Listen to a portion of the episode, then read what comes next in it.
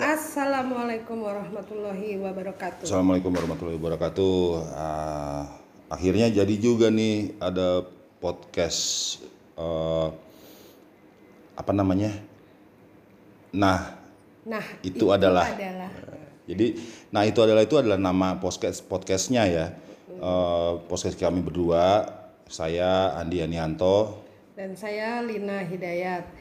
Jadi nanti kalau teman-teman mau browsing nih, mau nyari podcastnya Andi Lina itu apa ya? Nah, tulis aja. Nah, itu adalah nanti keluar tuh. Tuh. Hmm, Nah, jadi eh, sebelum kita mulai mungkin kita perkenalan dulu kali ya. Saya saya siapa, terus istri saya ini siapa gitu ya. Saya eh, dulunya saya itu mantan wartawan, wartawan olahraga. Jadi selama dari tahun 97 sampai 2016 itu saya berkarir sebagai wartawan, sebagai editor dan kemudian eh, bergabung di Pru itu pada tahun 2017 awal. Nah, kalau saya eh, sebelum di Pru ya itu sebagai istri wartawan yang juga punya kegiatan di rumah ya buat ngisi waktunya itu saya dulu itu online baker. Jadi buka usaha kue ya, kue ya, hanya online tapi macam kue ulang tahun dan sebagainya lah, catering kecil-kecilan gitu. Sebelum akhirnya berhenti karena ngikut suami pindah tugas waktu itu kayak gitu. Terus eh, gimana tuh Mbak Andi pas kita terjun? Kenapa bisa terjun ke Pru? Terjun ke Pru tuh mulai kapan? Itu tadi mulai 2017 awal waktu itu waktu itu kita baru pulang dari Manila ya dari Filipina kita eh, setelah saya satu setengah tahun saya berkarir di sana kita pulang. Kemudian eh, sebetulnya udah lama sih dika- dikasih tahu soal soal apa bisnisnya Prudential tuh kayak apa sih gitu. Udah tahu dari dari, dari leader kami itu kakak saya sendiri waktu itu dikasih tahu. Cuman waktu itu belum mau bergabung dan baru pa- pada tahun 2017 itu saya mulai mikir-mikir kok kayaknya untuk berkarir sebagai wartawan lagi kok kayak capek banget ya. Udah udah udah cukup deh gitu. Saya sekian belas tahun dari tahun 97 sampai 2016 itu kayaknya udah mau udah mau meledak kepala saya gitu. Jadi akhirnya kita mencoba eh, sebuah opportunity baru.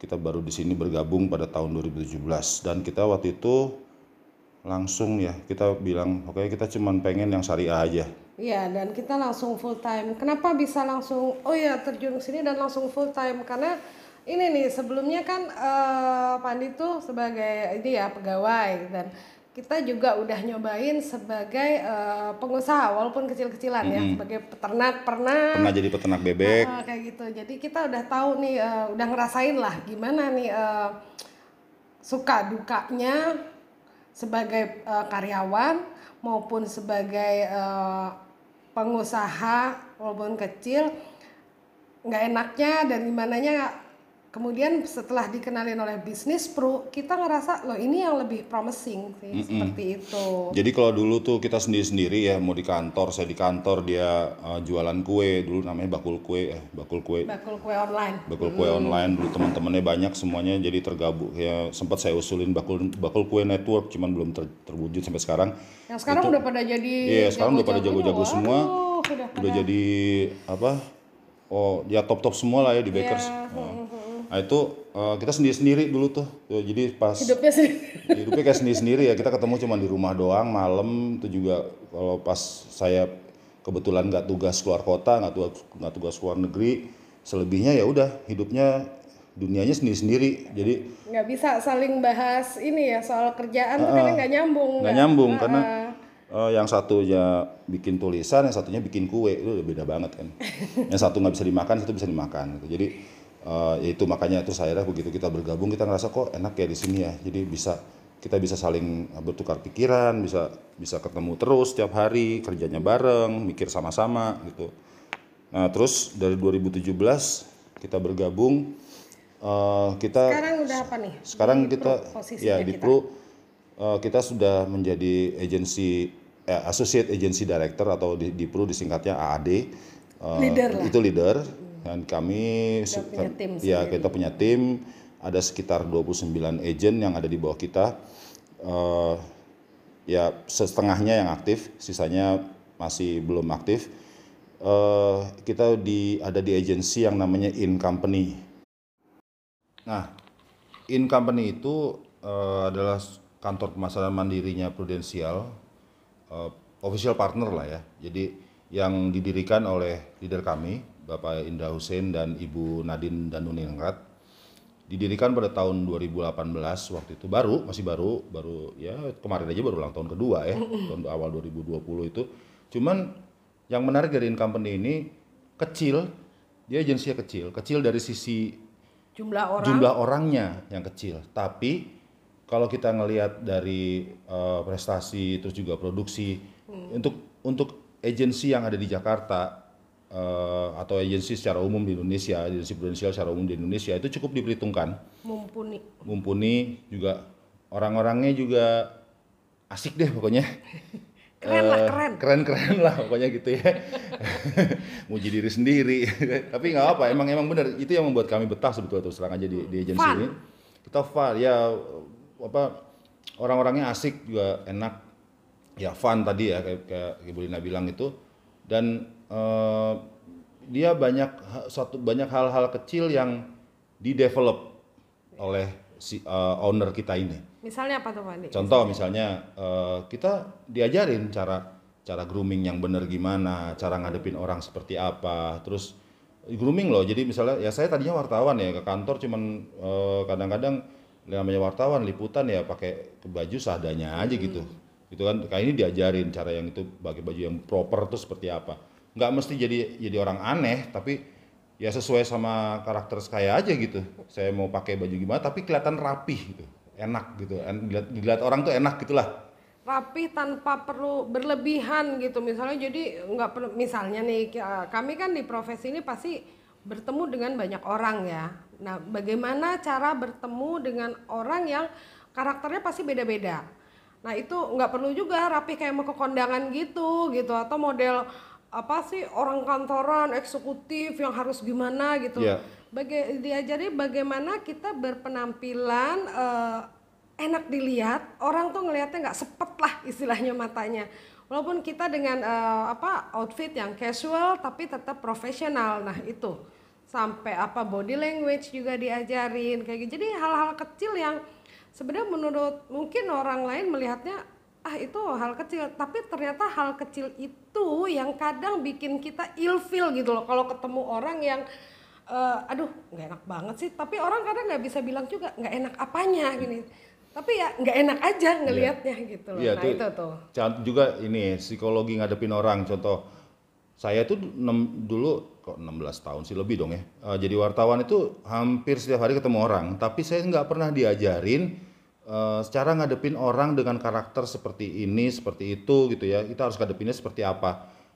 Di sini diajarin. Jadi di sini dikasih tahu. Hmm. Jadi ada orang itu ada tipe-tipe orang itu namanya personality plus nanti ya. Ada itu empat ada lah. ada empat personality yang umum gitu ya. Itu diajarin cara ngadepin kita gimana. Kita sendiri apa sebetulnya gitu. Nanti dikasih tahu sama, sama apa kita diajarin.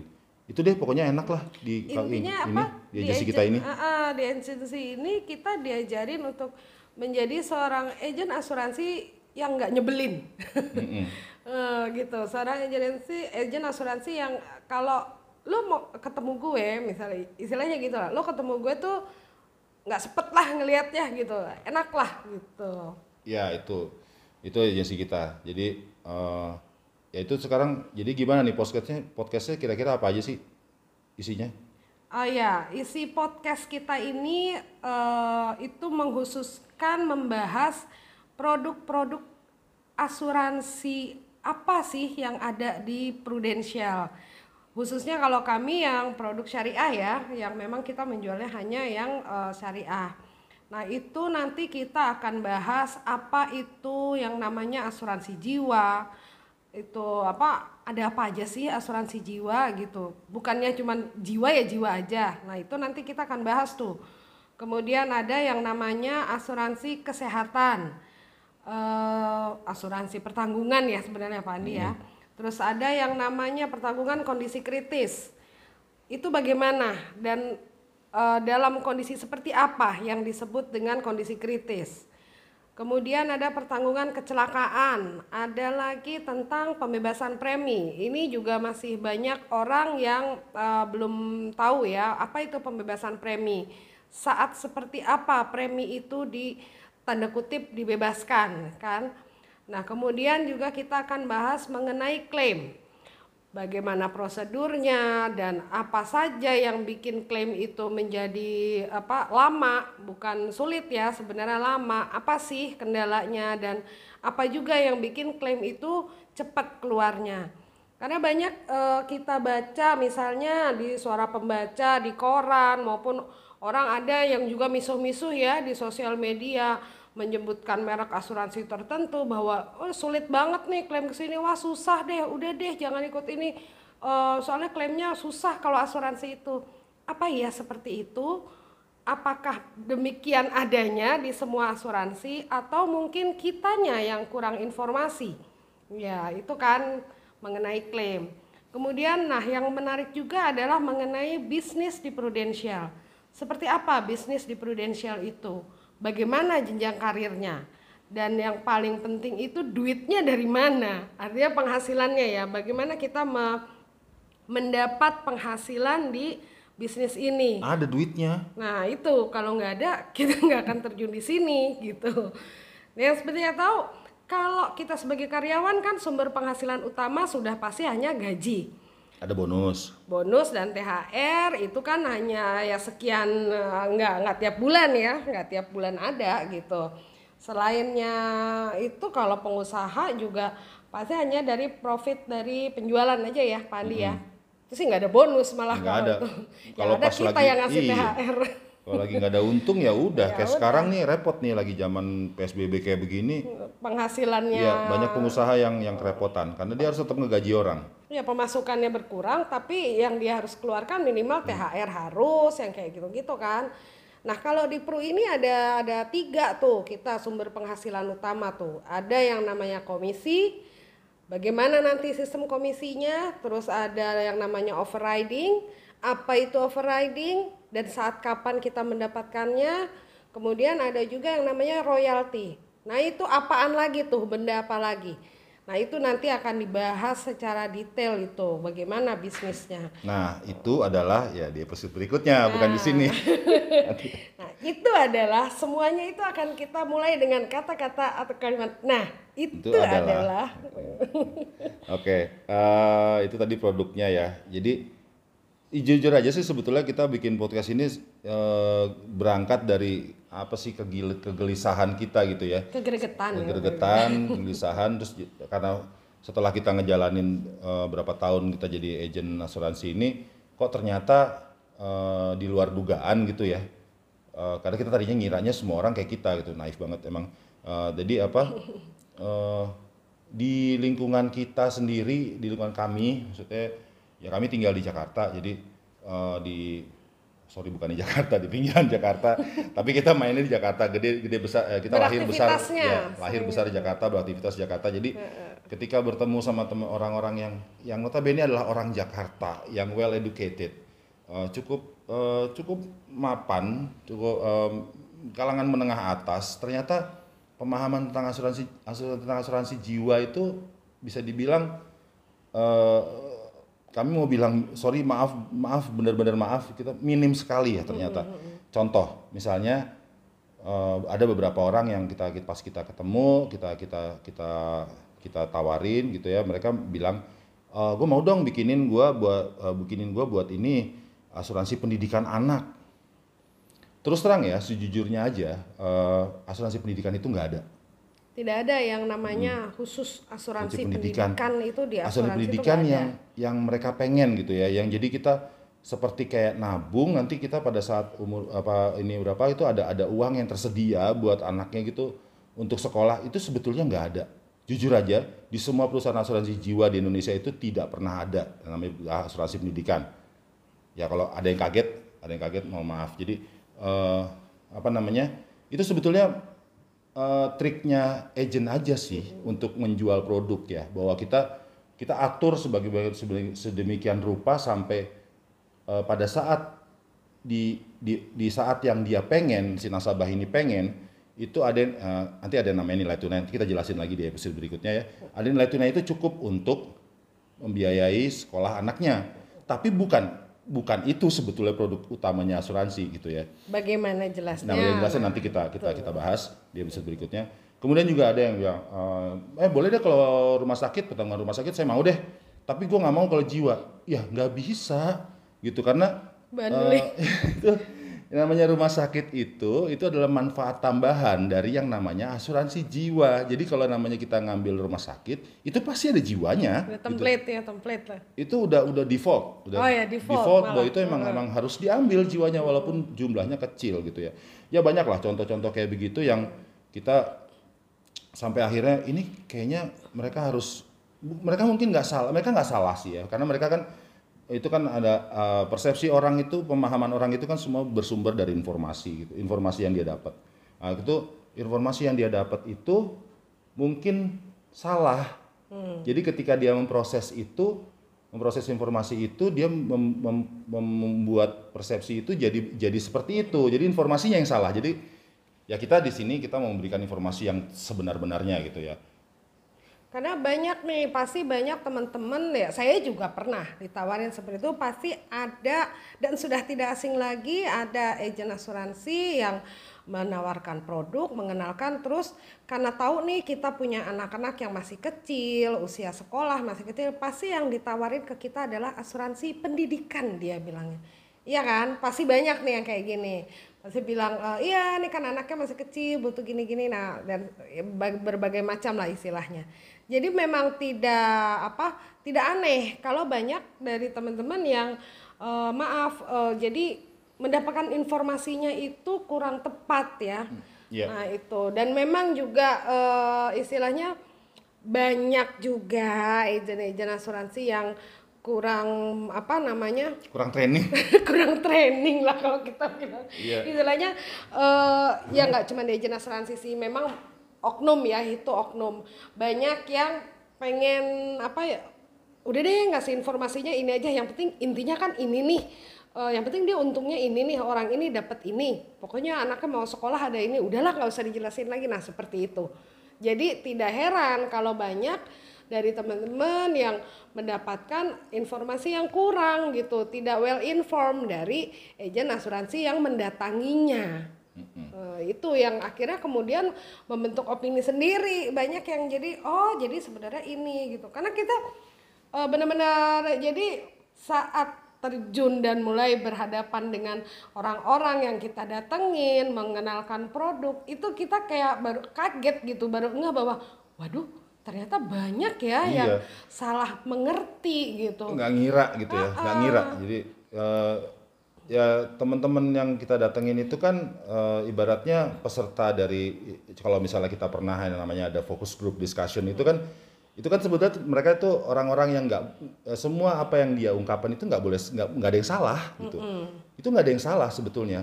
Ya even termasuk mereka bilang eh, apa namanya butuhnya ini ini yang tadi tadi saya bilang tadi Brenda bilang bahwa itu itu sebetulnya nggak ada produk itu. Itu nggak salah dia.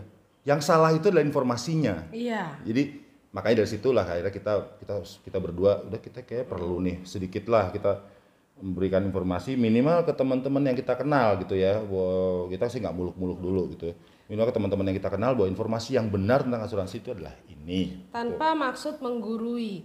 Sehingga pada saat teman-teman itu ditawarkan atau membaca mengenai produk eh, suatu produk dari perusahaan asuransi itu paham gitu paling nggak tahu gitu. Ada ada informasi awal yang yang benar seperti itu. Karena kita ya itu gregetan ya setelah kita tahu bahwa oh ini sebenarnya seperti ini. Itu tuh kita udah eager banget pengen memberitahu gitu ke ya paling nggak ke teman-teman ke orang-orang yang kita kenal bahwa kasarnya gini loh hey yang bener tuh gini loh gitu jangan sampai ya kita pengen menghindari orang-orang apalagi orang terdekat kita teman-teman kita sehingga salah dalam membeli produk asuransi. Ya itu yang, parah sih. Heeh, kasihan. Bukan apa terus terang aja membeli asuransi itu kan bukan sesuatu barang yang murah ya.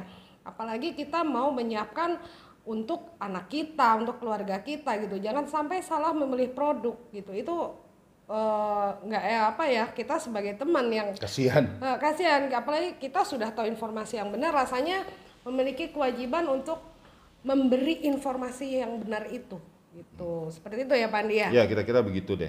Nah untuk eh, ya dari sebelum kepanjangan nih kita ngomongnya ini kan preambul nih ya, bisa pendahuluan. Ini kan bukan episode 1. Episode 1 nanti kita akan preambul aja udah segini nih Iya. Episode 1 nanti kita akan mulai mulai bahas bahas eh, di Prudential Syariah itu ada ada produk-produk apa aja. Itu nanti mulai episode 1. Nah, untuk podcast ini sendiri kita rencananya akan frekuensi tayangnya sekit, eh, satu minggu sekali. Itu insya Allah setiap hari Rabu. Eh, ya tergantung sama ini sih, tergantung sama apa? Spotify-nya. Spotify-nya mau, mau dia nampilinnya kapan. Terus juga kita akan promosiin di eh, apa namanya di sosial media kami eh, dari Instagram. Kalau Instagram saya @andianianto kalau saya at Rahmiatun Maulina dan juga mungkin di Facebook itu pasti otomatis lah kalau Facebook pasti bundling ya sama IG sama-sama kan perusahaannya kan sama. Juga nanti akan ada di websitenya In Company, di alamatnya di incompany.co.id di pages kami khusus untuk leader yang eh, pages leader kami Andi dan Lina. Eh, nanti akan di situ akan diinformasikan kapan ya ada episode baru apa enggak gitu. Kira-kira seperti itu deh.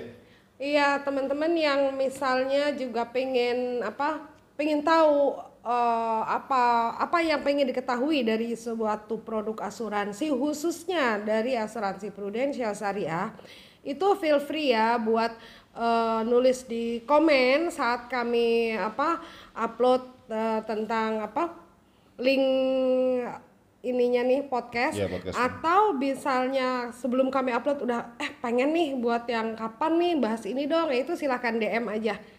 Ya jadi eh, kita memang ada nih bahas ini. Tapi kalau misalnya banyak yang minta untuk bahas ini dong bahas itu dong oh, oke kita akan bahas gitu. Bukan nggak mungkin sih kalau teman-teman nanti kalau ada yang punya eh, case banyak gitu ya contohnya bukan maksudnya eh, pertanyaan atau apa yang yang mungkin banyak yang dia pengen penasaran ya bukan nggak mungkin juga kita undang untuk jadi salah satu narasumber.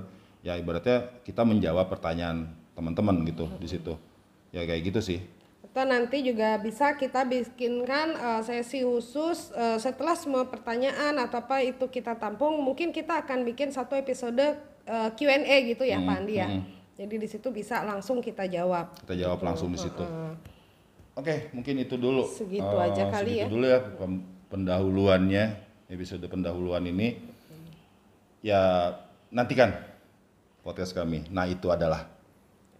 Wassalamualaikum warahmatullahi wabarakatuh